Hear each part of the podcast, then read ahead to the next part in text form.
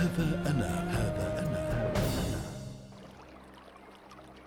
غوطة دمشق عام 607 للهجرة الموافق ل 1210 للميلاد. إنها سنة مولد علاء الدين بن أبي الحزم القرشي الدمشقي المعروف بابن النفيس. في مجالس دمشق وعلى يد علمائها ينهل ابن النفيس من علوم الفقه واللغة والفلسفة والمنطق. إنه الآن في ربيعه الثاني والعشرين أزمة صحية شديدة تلم به. عرض خلالها على عدد من الأطباء عجزوا عن تشخيص حالته قبل أن يتمكنوا أخيرا من علاجه. إنها نقطة التحول في حياة الفقيه المسلم الذي اختار بعد أزمته الصحية أن يدرس الطب ويبحر في ثناياه.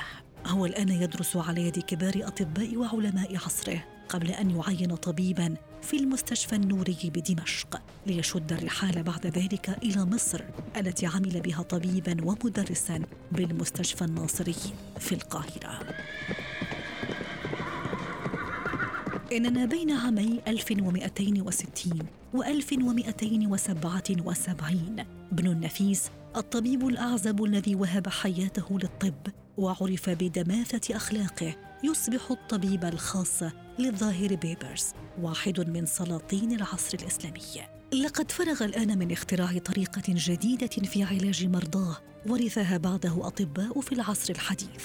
إنه يعالجهم باتباع نظام غذائي أكثر من استخدام العقاقير. هو لا يتردد في انتقاد أخطاء سالفيه كما يفعل مع علماء عصره من الأطباء كابن سينا وأبوقراط وجالينوس لقد دحض الرأي السائد الذي كان يقول إن الدم يتكون في الكبد أولاً ثم ينتقل إلى البطين الأيمن في القلب.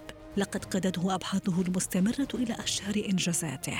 إنه يكتشف الدورة الدموية الصغرى التي ظل الغرب يعتمدون نظريتها إلى أن اكتشف الطبيب الإنجليزي ويليام هارفي الدورة الدموية الكبرى عام 1616 في مصر حيث مقامه يعكف ابن النفيس على الاهتمام بالظواهر والعوامل المؤثرة في جسم الإنسان أكثر من اهتمامه بالطب العلاجي لينال بذلك لقب العالم المحقق بل أصبح رائد علم وظائف الأعضاء.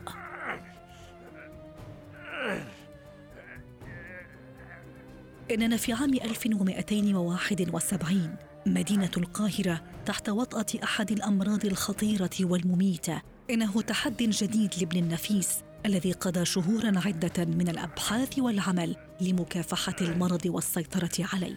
يواصل ابن النفيس اكتشافاته. هو الآن بصدد تشريح الحنجرة والجهاز التنفسي ثم دراسة وظائف أجزائهما قبل أن يصل إلى اكتشاف فرق فيه بين الإبصار والتخيل مبينا أن لكل منهما مركزا خاصا في الدماغ. ابن النفيس لم يكتف بالاكتشافات والإنجازات بل راح يدونها في مؤلفات عدة منها ما تحدث فيه عن أمراض العيون ومنها ما حمل وصفا دقيقا للدورة الدموية الصغرى وآخر عن الصيدلة وعلم التغذية.